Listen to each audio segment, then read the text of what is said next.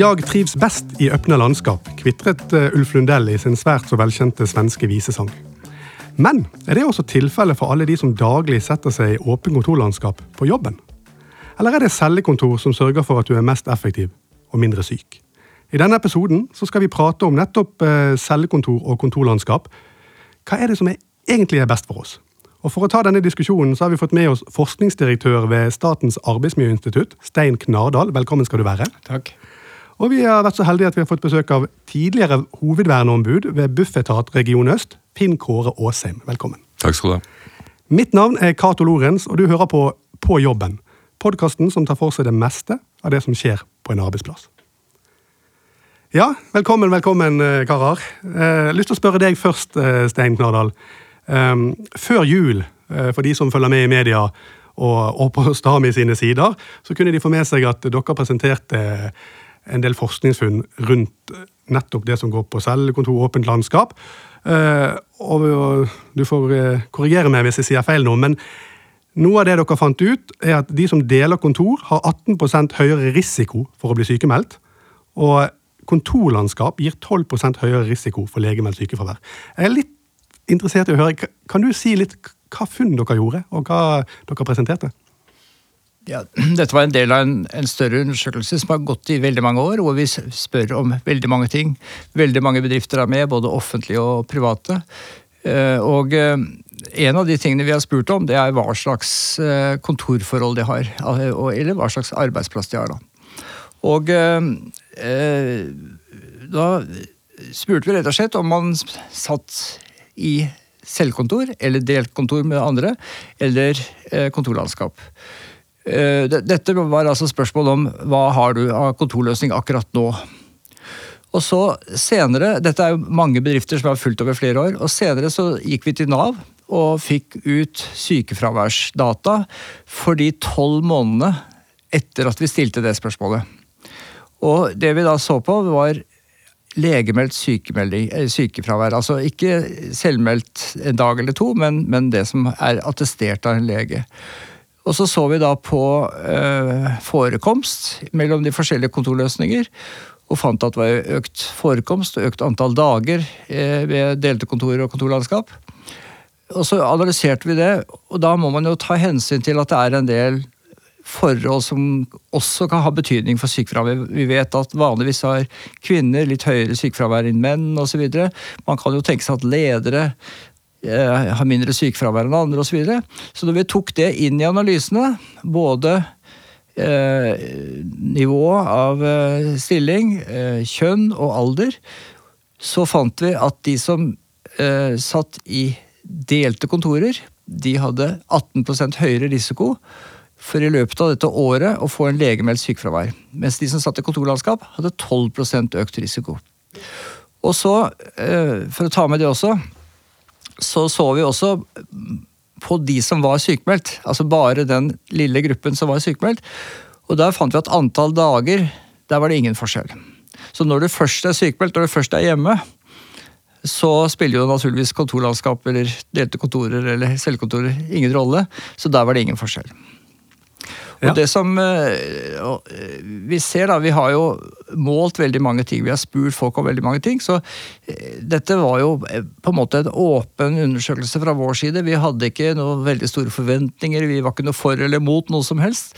Men vi ville se på dette med, med sykefravær. Så nå følger vi litt opp da, for å se om dette viser seg å være slik at folk som jobber i forskjellige kontorløsninger, kan ha forskjellig eh, risiko for hodepine, nakkesmerter og ja, en del forhold da, som vi prøver å se litt nærmere på. Ja, ble, ble, jeg må spørre deg, Ble du litt eh, overrasket over hva dere fant ut? Ja, jeg ble det. Eh, det er klart, det er ikke noe vanskelig å tenke seg forskjellige forklaringer. Eh, det er to hoved... Det det? Det er to hovedforklaringer som, som vi eh, hva skal vi si, tror mest på. Eh, dette med to streker under tror, for det, det, kan vi jo ikke vite. Men det ene er at det er høyere risiko for infeksjoner. Altså Når du sitter sammen med folk, så i et lukket eller begrenset rom, da, så kan man tenke seg at det er mer virussmitte. Mer forkjølelser osv. Eh, det vet vi ikke, for vi har ikke diagnosene, og, og, ofte så får man jo ikke den type diagnoser heller. Så det er det ene. Det andre er det at uh, mange av de som sitter i delte kontorer eller kontorlandskap, de sier at de blir trøttere og får litt mer hodepine. Vi hører veldig mange som sier at det er større krav til å konsentrere seg, fordi at det er mer forstyrrelser. Noen sier også at det kan være mer støy, men, men altså, uavhengig av støy så er det ofte den type lyder da, som gjør at man som fanger oppmerksomheten. altså noen stemmer eller noen som beveger seg, og at det eh, også kan bidra. Og så er det jo eh, Etter at vi publiserte dette, så har jeg også fått noen mailer fra folk som har sine egne ting som de tror på. Så, så det er klart det er, det er veldig mange som, som, mener mye om dette, åpenbart. da.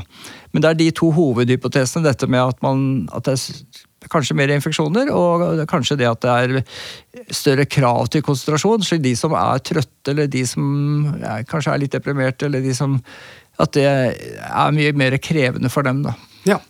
Jeg kan tenke meg at meningen er mange her, og at du har mottatt noen mange mail når, eh, når dere turte å, å, å presentere den, eh, disse funnene.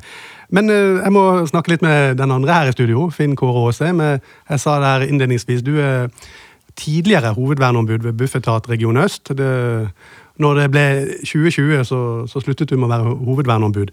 Det er ikke så viktig, for det, når du var hovedverneombud, så var du med på en prosess i Bufetat der man flyttet eh, lokasjon. Og, ehm, og, i den sammenhengen så ehm, gikk dere fra cellekontor til åpent landskap, eller aktivitetsbaserte kontorer. Kan du ja. si, Hva var de viktigste erfaringene sånn, eh, du husker nå? For dette er vel to år siden, og prosessen var vel lang? Ja, vi hadde toårsjubileum nå 15. januar, etter at vi flyttet fra Pilestredet i Oslo og til eh, Lillestrøm, eh, portalen. Det er jo klart at når vi fikk kontakt med Statsbygg, og vi visste jo at vi skulle Kontrakten vår gikk jo ut da i 17, så fra 18 så måtte vi ha nye kontorer. Um, og det som for så vidt jeg syns var det som var veldig bra hos oss, eh, var vel at vi har brukt ganske mye tid eh, i den tiden jeg har vært hovedverneombud, til å bygge opp disse samhandlingsarenaene våre. Altså arbeidsmiljøutvalg, IDF-møter som vi kaller det, informasjon, drøfting og forhandling etter hovedavtalen. Så vi hadde liksom på plass dette med vernetjenesten, dette med tillitsvalgte. Eh, og det har nok vært en sånn litt av suksessen vår, tror jeg. At vi hadde representantene våre på plass. Eh, og det at vi begynte tidlig, at vi begynte tidlig i 16 eh, og forberede oss på at vi skulle flytte. Og så kom jo departementet og bestemte at som ledd i sin distriktspolitikk så skulle vi flytte ut av Oslo. Og da blei det ja, hvor flytter vi igjen da? Og så da ble vi liksom forsinka litt i prosessen vår, for vi hadde jo da tenkt at vi skulle være i Oslo. Eh, men da blei det jo Lillestrøm. Så det er, det er, eh, litt politikk med å komme seg ut av hovedstaden. Så det ble jeg veldig fornøyd med. Noen av oss, i hvert fall, som bor på den siden av byen. Eh, og så begynte vi å diskutere ja, hva slags, hva, hva, kan vi gjøre da. Og da kom ideen opp at vi kunne slå sammen flere av enhetene våre, som da var på Lillestrøm, som naturlig kunne samlokaliseres med oss. Og så begynte man å diskutere en type kontorløsninger. Og Statsbygg, som vi hadde da mye kontakt med, de var jo veldig der på med åpent kontorlandskap og aktivitetsbasert kontorlandskap. Og vi, de tillitsvalgte og verneombudene, var jo rimelig skeptiske til det. Ja, jeg vil vite litt om det. Var, var, det mye motstand når dette ble først tatt opp eh, blant de tillitsvalgte og ja, blant de ansatte? Ja, vi leita jo fram den forskningen som fantes. Det var ikke så mye nasjonalt den gangen. Eh, det var noe internasjonale forskninger som vi leita etter og prøvde å finne argumenter. For vi, vi mente jo veldig klart at da Når jeg sier vi da, altså de tillitsvalgte og vernetjenesten, vi vi ønsket nok cellekontorer fortsatt, for det hadde vi jo i de gamle lokalene, stort sett. Eh, så det jobbet vi ganske mye for. Og i disse mm, samhandlingsarenaene våre da, så diskuterte vi jo mye. og det, var, det skal jo informeres, og det ble informert, det skulle drøftes, det ble drøftet. Og så kunne jo da ledelsen, for dette var jo en drøftingssak, som det så fint heter, og da kunne jo direktøren eh, bestemme hva, hva velger hun. Og da valgte hun aktivitetsbasert kontorlandskap. Mm. Og da måtte jo vi liksom sette oss ned og tenke sånn hm, Er dette informert om? Ja. Er dette drøftet? Ja. Har direktøren anledning til å bestemme? Ja. Må jeg finne meg i det da? Ja. Må jeg prøve å gjøre det beste ut av det? Ja. Ellers må jeg finne meg noe annet å gjøre. Eh, og Ja, det var på en måte ja. utgangspunktet Ja, vårt. og Det er et spennende utgangspunkt. og Vi skal høre mye mer om de erfaringene dere gjorde dere, og, og prosessen og, og veien videre. Ja. Eh, og ikke minst er jeg ganske spent på hvordan dette på en måte har, har eh, kulminert og endt opp med. Men, men jeg har lyst til å høre med Stein Kvernal igjen. for Vi kan ikke slippe den forskningen helt her. fordi Jeg har lyst til å høre fra deg du, når dere på en måte sier det dere sier, så, så innebærer det også en type sånn de som på en måte står overfor midt i en sånn type endring, eller skal gå fra cellekontor til åpent landskap, de bør kanskje tenke seg to ganger om noe. Fordi eh, det er jo ganske mange kostnader knyttet til sykefravær. Det vet vi, eh, uansett. Og så er jo det kanskje hovedargumentet for å eh, gå på den type åpne landskap og andre eh, måter å innrede kontorløsninger på, er jo nettopp økonomiske årsaker. Men tenker du nå at arbeidsgiverne har fått noe å tenke på i forhold til at eh, kanskje vi må tenke oss litt om? Eh, kan koste oss dyrt med sykefravær? Ja, det er det jo. Og det er klart, som du sier, så er det jo vært veldig liten forskning, og veldig mye av det som har vært presentert som forskning, har jo vært veldig dårlig, for å si det mildt. Eh, Det har jo også vært eh, altså Det er helt åpenbart at, at arealmessig sett så sparer man penger, det er klart det. Men det har vært veldig mange påstander om hvor forferdelig smart dette er. da. Og det er jo til og med folk som kaller seg for arkitekturpsykologer. ikke sant? Det har vært diskutert i Helsedirektoratet om det er en tittel som er lovlig, faktisk. Eh, Og eh, vært lovet gull og grønne skoger og samhandling, og nå skal det bli sånn og sånn, og det er veldig smart. Og det er klart Ved siden av arealbegrensning så er det jo fremvekst av mobiltelefoni som er den andre driveren i dette her. da. Eh, Og til nå så har det jo som sagt ikke vært noe særlig forskning. Det har vært eh, to studier på sykefravær faktisk før. Eh, Nokså nylig da, fra Danmark og Sverige, men de eh, kunne kritiseres litt fordi at de spurte folk om sykefravær. Og da kan du risikere at folk husker feil, ikke sant? og at de tar med alt osv. Så, videre. så eh, styrken med vår forskning da, det er jo det at vi, dette er ikke noe som er subjektivt. Dette er Navs eh, registre på hva som er legemiddelsk sykefravær. Så det er veldig Det går ikke an å trekke det i tvil, egentlig. Eh, Så er det kommet noe annen forskning da, i i 2018 fra Harvard, faktisk, hvor man prøvde å se litt på ja, hva skjer med folk eh, som samarbeider i kontorlandskap. Og det de gjorde, var å måle objektivt hvor mye folk snakker sammen. Altså De lagde utstyr som kunne registrere om folk var inntil hverandre, og om de snakket. Og de snakket sammen, og de fant da faktisk at i kontorlandskap så snakker man mindre sammen enn hvis man sitter på cellekontorer. Ja, og det, og det, det er jo Og det, og det var veldig uventet. Ja, for det er interessant. for det Veldig mange bruker også argumentet om at økt samhandling Yes, er et ja. positivt utfall av uh, åpen kontorlandskap. Men, men så får du sånn, du, du får jo også vite at ja, de, blir, eh, de får nye, flotte headset med støyreduserende funksjon, og, og, de, um, men, og de lager regler for hvordan å være stille. Så, så kanskje det ødelegger litt for den type samhandling de ønsket? Ja, altså, øh, veldig mange må jo kjøpe disse headsetene selv, eh, privat. Det er noe sånn. Men, men øh, det er litt overraskende, da, at, og det ble, de ble overrasket, forskerne også, ved Harvard, at samtalene gikk ned. da, Så det ble mer mailer og mindre face to face. Eh, Og det var veldig uventet. Og det, og, men altså, hvis vi tenker på vår studie, så kan jo det at man snakker mindre sammen, faktisk gjøre at man kanskje blir mindre smitte. slik at eh, det kunne beskytte litt. Kanskje sykefraværet kunne vært enda høyere hvis de snakket sammen like mye som i cellekontorer. Da. Men det er en del sånne ting som nå kommer, som kanskje gjør at man, nettopp som du var inne på, at at disse regnestykkene om hva dette er på bunnlinjen, altså er dette lurt eller ikke lurt, altså de regnestykkene må kanskje gjøres på nytt, da, for det er noen faktorer her som faktisk var helt annerledes enn det man har tatt for gitt før. Og det, det er en ting som jeg syns også er veldig slående i alt dette her, når det gjelder hele den bølgen over mot, eh, mot kontorlandskap og, og aktivitetsbaserte kontorer. Det som er veldig slående, er at det er nesten ingen av de virksomhetene som har gjort det, og det er jo nå veldig mange overalt. Det er nesten ingen av de virksomhetene som har brydd seg om å gjøre en ordentlig evaluering av før-etter. For dere så er jo det ikke så enkelt, for at dere flyttet også. Så der er det jo to veldig store faktorer som har veldig mye å si. Men, men altså, til og med Forskningsrådet, da de gikk over i aktivitetsbaserte kontorer, så tenkte de ikke på at det skulle gjøres forskning på dette her.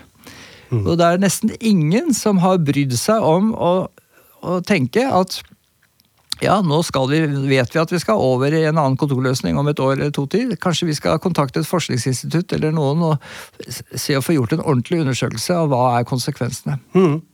Ja, Finn Kåre, du, du, virker engasjert her. Ja, ja nei, altså, Det som jeg syns er litt sånn uh, interessant, da, det er jo at når vi begynte å snakke om dette her, og man snakket om kontorlandskap, så, så, så snakket kanskje noen som om det er en ensarta gruppe som skal flytte fra et sted til et annet, og så skal man gjøre det samme som man har gjort før.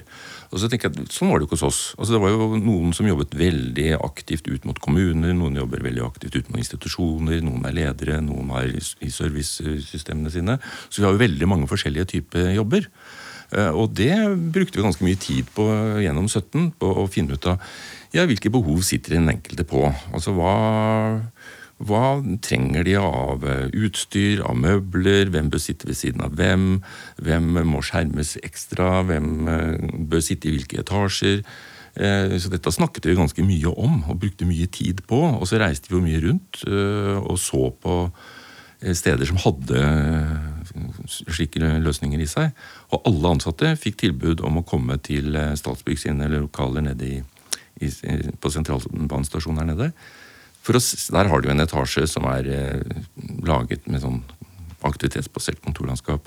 Og det gjorde noe med mange av oss. Ja, I forhold til holdningene og synet de hadde i utgangspunktet? Ja, for det var mange som liksom hørte om De hadde jo ikke noe erfaring med kontorlandskap. sånn at de, ja, Jeg i hvert fall så er såpass gammel, så jeg begynte å se for meg sånne gamle amerikanske filmer der de satt rundt i svære haller. Og, og så kom du opp i Statsbygg der, og så så du at her var det jo tilrettelagt på en helt annen måte. De satt litt i nisjer, de hadde liksom spesialmøbler, de hadde skillevegger, de hadde dempende skillevegger osv. Og, så og mye sånn tekniske løsninger, trådløse tekniske løsninger som gjorde at de kunne liksom ta med seg jobben sin fra arbeidsplassen sin og gå inn i De begynte å kalle det for stillerom, men det er jo ikke det. Du gikk jo dit inn for å snakke, så det ble sånne multirom.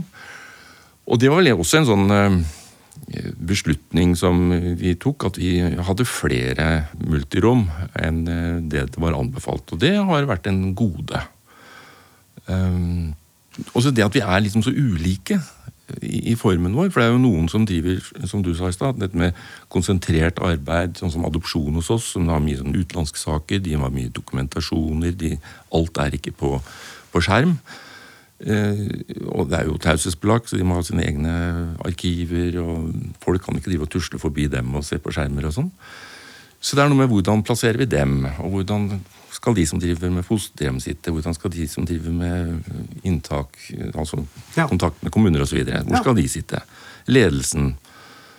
Gode poeng. Og det, Stein, det, for dette, det han sier her, er litt, sånn, litt kjern nå. fordi det er vel ikke sånn at det, Ofte får man litt sånn steile fronter, enten man er for eller imot eh, sånne ting. og Så, så enkelt kan det ikke være. Det, det må vel ses litt i, for, i forbindelse med bransje, hva, man, hva faktisk man jobber med. Er det konsentrasjonsoppgaver? Er det undervisningsyrker? Hva er det som på en måte kreves?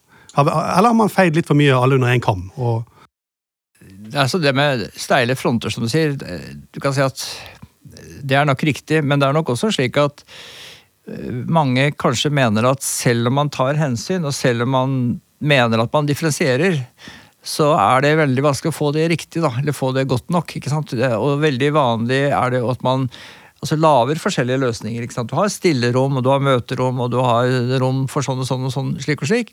Men i aktivitetsbaserte kontorer så hører vi jo det at flere sier, og dette er jo ikke vår forskning, men dette er jo folk som vi snakker med, som sier at ja, men eh, når jeg kommer om morgenen, så får jeg jo aldri plass ved siden av de jeg jobber sammen med. Og jeg får de rommene som jeg trenger, jeg, altså da må jeg flytte hele tiden. Eh, og ofte så får jeg jo ikke det rommet jeg trenger. ikke sant? Altså, slik at her kan du si at man inviterer til en ganske stor logistikkutfordring, da. Ved eh, å få det til å passe.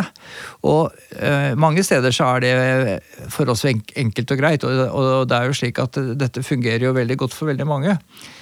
Men så er det jo de som kanskje har perioder hvor de jobber, må jobbe veldig konsentrert eller jobbe alene. ikke sant? Altså det er eh, Å få alt det der til å gå i hop, altså istedenfor at man hver person skal bare ha en plass, eller så skal man nå på en måte sørge for en dynamikk i dette her, da. Ja. Og, og, det er klart at når bedriften da ekspanderer litt, så må veldig mye kanskje gjøres om på. Så er, her er det eh, kanskje slik at eh, noen har undervurdert utfordringene, mens andre overdriver dem. Mm. Og, skal, og sier at det er bare problemer. Og så kommer vi da og sier at ja, ja, men altså, det kan godt være det. Eh, nå vet vi det at folk snakker mindre sammen, det er én ting, og så vet vi da at det blir mer sykefravær. Og så får vi ta det derfra, da. Ja, og, og da tenker jeg, så Hvordan tenker du arbeidsgiver eller de som står midt i det og skal gjennom en sånn prosess, bør forholde seg til de funnene dere har nå? Det at vi vet det fra Harvard, og det som dere eh, har funnet. Ja. Nei, altså? Det med sykefravær det er jo uh, veldig vanskelig å vite hvordan man skal forholde seg til det. Fordi uh, nå vet ikke vi årsaken, som sagt. Uh, og så, så da er det på en måte bare en hva skal vi si, en, en usikkerhetsfaktor. da. Altså Dette er en kostnadsfaktor som er faktisk ganske stor. Som man ikke helt vet hvordan man skal ta med i regnestykkene sine. Men, men, men, man men- kan ikke begynne å regne på nytt igjen? og Ta pluss Ja, minus. ja, altså Kostnader ved sykefravær, antatt, eller hva man tror kan bli sykefraværet, minus eh, arealbesparelse, og så pluss noe dette med samhandling. Ja, altså man må jo sitte igjen med en sum.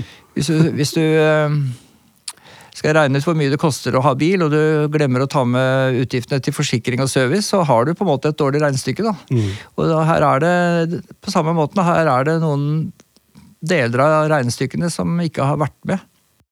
Men jeg, jeg blir jo litt sånn nysgjerrig på undersøkelsen din. Nå har jeg ikke fått lest den ordentlig i detalj. Jeg har bare sett litt overskrifter. Men, eh, men jeg blir nysgjerrig på hvor, i hvilken grad folk har vært med på i prosessen fram mot det resultatet eh, de hadde. Det har vært en sånn suksessfaktor hos, hos oss, eh, tenker jeg. Eh, fordi at vi, vi kommer jo fra nokså slitte, dårlige kontorer som vi ikke var fornøyd med, og så kommer vi til et luftig, lyst, masse luft. Det er jo fantastiske møbler og tekniske løsninger. Mye bedre møterom enn det vi hadde før. Vi hadde masse sånne som vi kalte stillerom, litt sånne smårom som vi kunne gå inn og prate i sosiale soner som vi nå har, med lekre møbler, kjøkken eh, Som vi ikke hadde på samme måten før. Så vi har jo masse goder i det òg, men det er jo ikke til å stikke under en stol at noen opplevde jo dette vanskelig. Noen syns at de, de fikk en reduksjon i produktiviteten sin. For nettopp, og kanskje mest de som sitter og har den konsentrasjonsjobbinga som jeg snakka om i stad. Men det også som for- forundra oss litt, det var jo når du kommer inn i lokalene våre, så er jo ofte folk er i møter, de er ute på reiser, de er ute og besøker institusjoner. Så egentlig så slo det oss jøss, så lite folk det er her. Så øh, Der jeg sitter nå, så sitter det er vel kanskje 50 plasser der. Jeg sitter jo ofte der sammen med tre-fire andre. Jeg har jo aldri hatt så stort kontor, jeg. Så Det er også en sånn faktor som blir litt rart. Og, og så har jeg lyst til å nevne en liten ting, dette med å snakke med hverandre. Hos oss har ledergruppa de har valgt å sitte helt åpent akkurat der du kommer inn. Det er mye lettere for meg nå. og Nå ser jeg at nå sitter direktøren der, eller den har jeg lyst til å snakke med. Og når jeg var hovedverneombud, så var jo det utrolig nyttig. Før måtte jeg jo gå og banke på eller se er det noen her. Nå kan jeg se hvem sitter her, gå bort og snakke. Og det har jo vært mye lettere. Så det syns jeg har vært fint. Maler et fint bilde her, Stein. Ja da, Men det du forteller, eh, er jo egentlig at det er mange andre faktorer som spiller en stor rolle, annet enn kontorløsning. For kontorløsning det er én ting, ikke sant? og du kan ha fine møbler selv om du har cellekontor. Selvfølgelig. Ikke sant? Slik at når du har Dere har gjort Dere har flyttet. Dere har fått totalrenovert alt. Mm. Og dere har gått gjennom organisasjonen deres, og dere har gått gjennom hvordan dere skal jobbe. Mm. Så dere har gjort veldig mye mer enn å endre kontorløsning. Ja. Og øh, hvis vi holder alt det andre kjekke utenom, hva er forskjellen da? Og det er det, og det, er det som gjør det veldig vanskelig, naturligvis. Uh, og, og det er jo også eh, et viktig poeng her, altså, at- for oss er jo ikke vi, vi mener jo ikke så mye om dette her. Vi mener jo bare at man skal være klar over de og de faktorene som blir skjøvet under teppet. Ja. Og det, det er et godt poeng, og det er viktig å understreke at uh, dere presenterer jo bare de funnene dere har. Uh, men jeg har lyst til å ta opp en ting med deg, uh, Stein. og det er Nå har jeg bare to gjester her. Hvis jeg skulle hatt en tredje gjest, så ville jeg hatt en av disse Det var en som het Mari Skogland, som har doktorgrad i arbeidsplassarkitektur, av alle ting. eh, Fra NTNU. Og hun, eh, hun satt i Sveits, så hun kunne ikke være med. Men eh, hun sier at aktivitetsbaserte kontorer er det beste hvis hvis det fungerer, på en måte. Hvis, hvis det er tilrettelagt på den rette måten. Og da er det med type sånn free seating, altså ingen faste plasser. Har du noen tanker om det, Stein? At en med doktorgrad i arbeidsplassarkitektur er såpass klar i sin mening? Jo, men det er spørsmål hva har du undersøkt, og hva er, hva er parameterne når du sier at det er best? Er det, hva er det for noe? Er, er, det ansattes jobbmotivasjon? Er det ansattes trivsel? Er det ansattes helse? Er det sykefravær? Er det uførhet? Er det, hva, er, hva, du, hva er kriteriet for å si at den er best? Er det produktivitet? Er det effektivitet? Og hun har ikke undersøkt så veldig mange av de parametrene. Eh, slik at eh, og, det er jo også sånn som, som det også har vært sagt her før. altså vi forskere vi pleier jo ofte å konkludere med at uh, det kommer an på. Ikke sant? Det er jo, og psykologer jo, gjør jo også ofte det. ikke sant? Altså, det er veldig vanskelig å si uh, på den ene siden på den andre ja. siden, og så komme med noe, et enkelt svar. Og det, det, er jo helt åpenbart at for aktivitetsbaserte kontorer så er det jo veldig forskjeller avhengig av hva slags jobb man har. Altså Hvis du er jobber i Bufetat, og du er en som er ute i møter kanskje hver eneste dag, eh, så er det klart at den kontorplassen du trenger, eh, det er jo på en måte et sånt oppsamlingssted, eller kanskje bare en liten base hvor du, hvor du gjør noe men er ikke, ikke, så mye av tiden. Mens hvis du sitter med la oss si at du sitter med analyser, da, at du skal planlegge et nytt bygg og du skal analysere bærebjelkene i det bygget, og du skal sitte og konsentrere deg og, og, og tunga rett i munnen osv., så, Eh, så kan det være forferdelig slitsomt å sitte med mange folk rundt seg som sitter og gulper og gjesper og tusler rundt, ikke sant. Så, så det er jo helt åpenbart at det er forskjellig. Og, og, og, og det som er kanskje noe av problemstillingen der, da, altså bortsett fra det med infeksjoner som gjelder uansett, kanskje noe av problemstillingen er eh, nettopp det at man logistikkutfordringen er så stor. Og hvis du klarer å få det til, så funker det. Hvis du ikke får det til, så funker det veldig dårlig. Ja. Og, det, og det, det, kan godt være at man rett og slett bare har introdusert en parameter til da, som gjør at det er utfordrende å organisere. Men at du kan få det til, og da er det bra. Men det er litt høyere risiko, kanskje. Ja. Men nå, nå, snakker vi om, altså, Det jeg nå snakker om, det er jobbmotivasjon, produktivitet og, og hvordan ansatte trives og har det. ikke sant? Absolutt. Det, det fins eh, noen oppsummeringer som, av forskning som var basert på det, det som var for, for eh, seks, syv, åtte år siden. Som konkluderte med at det var ganske vanlig at folk trivdes veldig godt med en gang, men ble mindre eller mer og mer misfornøyde etter hvert. da. Ja. Men, men øh, Finn Kåre, ja. du, du, du, virker engasjert. Du, du, har mye du skal si der, men jeg, det er jeg interessert i. Jeg er veldig interessert i det. det er, hvordan har det gått med dere? Hvordan, hvordan går det med sykefraværet i Bufetat? Nå vet vi at dere også skiftet uh, lokaler og kunne sikkert begynne fra scratch med det, med det aller beste. og det, det, er ikke gjelder for alle, det vet vi. Men, men hvordan har det gått med, med sykefravær hos dere? Har du en oversikt for det? Jeg bare si det først, altså Free sitting har ikke vi. Altså vi har faste, Alle har sin plass og sin faste sted å gå til. sånn at det, det var en sånn greie vi mm. var enige om at det var, var bra. Um, sykefraværet vårt uh, gikk vel litt ned fra 17 til 18, uh, eh, faktisk. Etter flytting. Nå er det vel om Det har ikke gått noe særlig opp igjen. Uh, så, vi ligger på en måte på det samme nivået og litt lavere enn det vi hadde før flytting. Ja. Eh, men, men, det er jo klart at nå har vi bodd her i to år.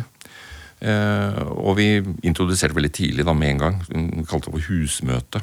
At alle de, de, ulike etatene, seksjonene, avdelingene de valgte sine representanter som da skulle møtes ved faste mellomrom for å diskutere liksom, hvordan har vi det, ulemper og fordeler. Vi hadde sånne morgenmøter eh, de første måneden etter, der vi alle, ledelsen og tillitsvalgte verneombud møttes for å Hva er det vi har oppdaga nå som ikke fungerer? Hvilke utfordringer har vi sett? For mange av de tingene vi, som vi opplevde, de hadde vi ikke klart å forutse. Det var først etter at vi hadde flytta inn at vi skjønte hvordan det var. Og så ble vi enige om at vi skulle ikke gjøre noen store fysiske endringer de første seks månedene. Vi skulle liksom tvinge oss til å være i systemet for å få en ordentlig erfaring på det. Men da begynte vi liksom å tenke litt på. Ja, kanskje noen som ikke burde sitte der. Kanskje de burde heller sitte der. Kanskje det var en lesesal som ikke ble brukt. Ja, kanskje de kunne gjøre sånn til et kontorrom. Eller at en, en gruppe kunne flytte inn der. Eh, noen som var der veldig lite, som du snakket om i stad, som er psykologene våre for eksempel, som er ute og veileder og jobber aktivt ute, som kanskje er på kontoret en gang i uka, de hadde kanskje ikke behovet for den plassen de hadde. Kanskje noen andre kunne sitte der. Og så klarte man å justere det litt, sånn at vi klarte å tilpasse det litt mer. Men det er klart at av de 180 personene som i dag jobber på portalen, så er det jo noen som syns at dette er slitsomt. Som syns at de blir forstyrra, at det går folk forbi, at det ringer telefoner at det snakkes At de blir kanskje forstyrra fra den sosiale sonen der man sitter, og noen ler og prater og har mm. samtaler. Så måtte man kanskje sette opp en vegg der eller en dør der for å hindre at den lyden kom dit. da, For det visste man ikke før man hadde prøvd det. Ja, ja, nå sa vi jo i sted at det er forskjellige jobber og forskjellige oppgaver som krever forskjellige ting. da. Men folk er jo forskjellige også. Ja, ja. Altså, det er jo, Mennesker er forskjellige. ikke sant? Altså, eh, nå har det jo vært veldig populære radiosendinger i NRK om Big Five, eh, fem personlighetstrekk. ikke sant? Og, og noen er irritable. Og noen er overfølelse overfølsomme for lyd. Og noen hører dårlig. Mm. Og noen ser dårlig og er eh, ikke sant? Paradoksalt nok så er det mange med hørselshemning som også er overfølsomme for, for støy. Eh, slik at det er en mulighet da, for at de som har helsemessige eller funksjonsmessige utfordringer, eller som har en personlighet som gjør at de er mer Støysensitive, rett og slett? Ja, ja, irritable kanskje. eller ja, mer nevrotisisme, kanskje. At, at de rett og slett de tolererer det veldig mye dårligere. da. Og da er vi jo litt inne på IA-avtalen og inkluderende arbeidsliv. altså eh, Det kan godt være at på lang sikt altså Dette er jo rent hypotetisk. Det kan tenkes at, eh, at veldig mange kan synes dette er veldig fint, men at noen flere faller fra. da. Når, når, du merker hvordan faktisk din personlighet matcher med den nye situasjonen. Eh, og, og, da blir det interessant hvis man skal gjøre tilrettelegging basert på personlighetstrekk. Da, da ja, ja det, det, kan vi jo ikke gjøre, men, men, det kan jo tenkes at eh, sånn som hørselshemning og, og, og mm. syn og, følsomhet for lukt altså, altså, Vi har jo hatt epidemier med helseplager som er relatert til lavintensitet stimuli. Eh, slik at man kan tenke seg at folk som er noe deprimerte, kanskje. Ikke, altså, det blir mye mer krevende for din. da. Mm. Slik at, du, du, at, det rett og slett kreves mer. Det kan tenkes. Ja. Og jeg, jeg, jeg bare tar opp tråden litt fra det Finn Kåre sa her. for Han, han snakket litt om uh, justeringer, altså etterarbeidet. liksom Det at man ser hvordan fungerer dette her. At ledelsen er tett på og finner ut at mm. ok, kanskje vi kan gjøre sånn, kanskje vi kan gjøre sånn, kanskje vi er nødt til å gjøre det. At vi ut ifra erfaringene gjør tilpasninger og justeringer. Det tror jeg er kjempeviktig, og det tror jeg alle vi må gjøre på de aller fleste ting. Men, men noen snur jo òg. Noen går jo faktisk og, og endrer totalt. Og jeg så på, Det var vel en nyhetssak fra ja, sikkert skjedd mange steder, men dette var på Malmö universitet i Sverige. Der de uh, gikk over til aktivitetsbasert uh, kontorlandskap og bare fant ut at nei, vet du hva, det går ikke. Vi må tilbake igjen til det gamle. Mm. Og betalte en dyr kostnad, jeg tror det var 20 millioner kroner. Mm. Og rektoren der sa ja, man lærer av å gjøre feil. Mm. Så, så er, tror du kan, vi kan se mer av det i Norge òg? Det tror jeg nok. Og det er klart, sykehusene har jo, har jo utfordringer fremover. Det som, For å ta noe annet som er kanskje litt mer sært, da. Men eh, nå har vi jo en, et arbeid for nasjonal handlingsplan for fysisk aktivitet. Og, eh, og, det danske instituttet for arbeidsmiljøforskning, eh, Nasjonalt forskningssenter for arbeidsmiljø i Danmark, eh, de har jo promotert i veldig stor grad fysisk aktivitet da, på arbeidsplassene. På den måten at det skal være lavterskel, altså ikke at man har trening sånn i grupper eller tar seg fri, men at man har en strikk eller en liten vekt, så man kan gjøre noe på pulten sin. Sånn to minutter En gang om dagen, f.eks. Og, og de mener altså at det er en uh, måte hvor man kan forebygge nakkesmerter og osv. Og, og, være aktiv. Og Det er klart at det kan du jo ikke gjøre når du sitter i kontorlandskap. det går ikke. Så, eh, og, det, og, det, kan du si at det er eh, sært, da, og at det må gå, må gå an å finne en løsning på det. Men altså, det er også noe som, sånne ting som eh, man snakker litt om nå for tiden, som, som helsefremmende arbeid på jobben. da. Ja, Vi begynner å nærme oss slutten. Et par spørsmål til til hver dere. Siste til deg, Stein Knardal. er vi snakket om steile fronter i denne debatten. her. Sant? Folk har ofte kraftige, sterke meninger knyttet til enten det ene eller det andre. Opplever jeg det i hvert fall som, og kanskje mange andre. Eh, og så er det de som sier kanskje vi heller må tenke på at dette er kommet litt for å bli. Eh, litt sånn som internett. Folk sa det var bare en døgnflue, men det ble værende. Eh, og kanskje, kanskje, man må heller rette fokus på hvordan skal man faktisk lykkes med å få til et åpent kontorlandskap og aktivitetsbaserte plasser som faktisk fungerer. Det, du, ser du det poenget? Eh, ja, altså Det er klart, dette med infeksjoner er jo noe som kan være veldig viktig. ikke sant? Og sykefraværet. Og sykefraværet er viktig. Men jeg tror vi må innse at åpent kontorlandskap eller delte kontorer er ikke for alle. Altså vi, vi må ikke beslutte at nå skal alle ha det, og så skal vi bare tilpasse. For det er en del jobber hvor det faktisk ikke passer, og det tror jeg vi må innse. Uh, og så må vi også innse at uh, ikke alle skal selge kontorer. Altså det, det må være både og. Altså man må rett og slett tilpasse arbeidsplassene til eh, den, de jobbene som skal gjøres. Og, og da er ikke enten-eller, da er det både og. Men altså, da må man være åpen da, for at man faktisk analyserer jobbene mer enn det man har gjort. da. Ja. Og det er, ikke, det er nok ikke um, arkitektene som skal bestemme hva som er lurt her. Det er nok eh, de som kan arbeid og, og jobbmotivasjon og, og, produktivitet, som bør eh, bør, eh, og arbeidsinnhold som bør bestemme. Klar tale fra, fra deg der, Finn Kåre. Til slutt, eh, tiden har gått veldig fort her nå, så vi må, vi må, begynne å nærme oss avslutning. Men ditt råd til de som skal i gang med, med en sånn prosess som du har vært igjennom med Bufetat, da tenker jeg litt mer sånn ja, du har kartleggingen i starten, du har eh, bruken av tillitsvalgte, du har selve gjennomføringen og, og, og, justeringen underveis. Men hva vil du si, hva er det viktigste du, rådet du kan gi til de som skal i gang med en sånn prosess du selv har vært gjennom? Nei, jeg tenker Det som du nevner, med å involvere folk. altså Tillitsvalgte, verneombud, bruke de samhandlingsarenaene som vi har skapt, og som uh, har gode, gode erfaringer med. Uh, det er kjempeviktig. Informasjon. Man kan aldri informere nok. Uh, tidlig ute, det å inkludere folk. Det er klart at vi brukte mye ressurser på å inkludere folk. At folk fikk lov til å være med og mene noe skikkelig om sin arbeidssituasjon. Og vi er jo ulike. altså Noen syns det er helt greit å sitte med telefoner og jobbe på data. Noen syns det er helt forferdelig. Og kan, jeg er såpass gammel at jeg syns det er litt vanskelig å sitte der og konsentrere meg, lese rapporter og skrive. Men da kan jeg gå inn enten på et på et rom og sitte der og jobbe. Eller så har det også blitt økt bruk av hjemmekontor. At noen også sitter hjemme og jobber. og har De som har muligheten til det. Og det har fungert ganske bra. Produksjonen vår tror jeg ikke har gått noe ned. Jeg tror vi, vi Det virker som om vi klarer å, levere den varen som vi er satt til å levere. For å bruke et sånt språk, da.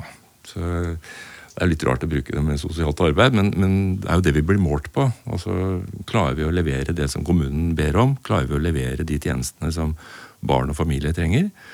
Ja, vi gjør det. Og jeg, vi har ikke gått ned. Vi har ikke fått noen ventelister eller krav om at dette må bli mer effektivt. Vi har jo klart å få det til. Men at det er noen som er misfornøyd, det er det selvfølgelig. Tilrettelegging viktig. Også det som du sa nå om at etter hvert så må man liksom se ja, hvordan fungerer det nå, da.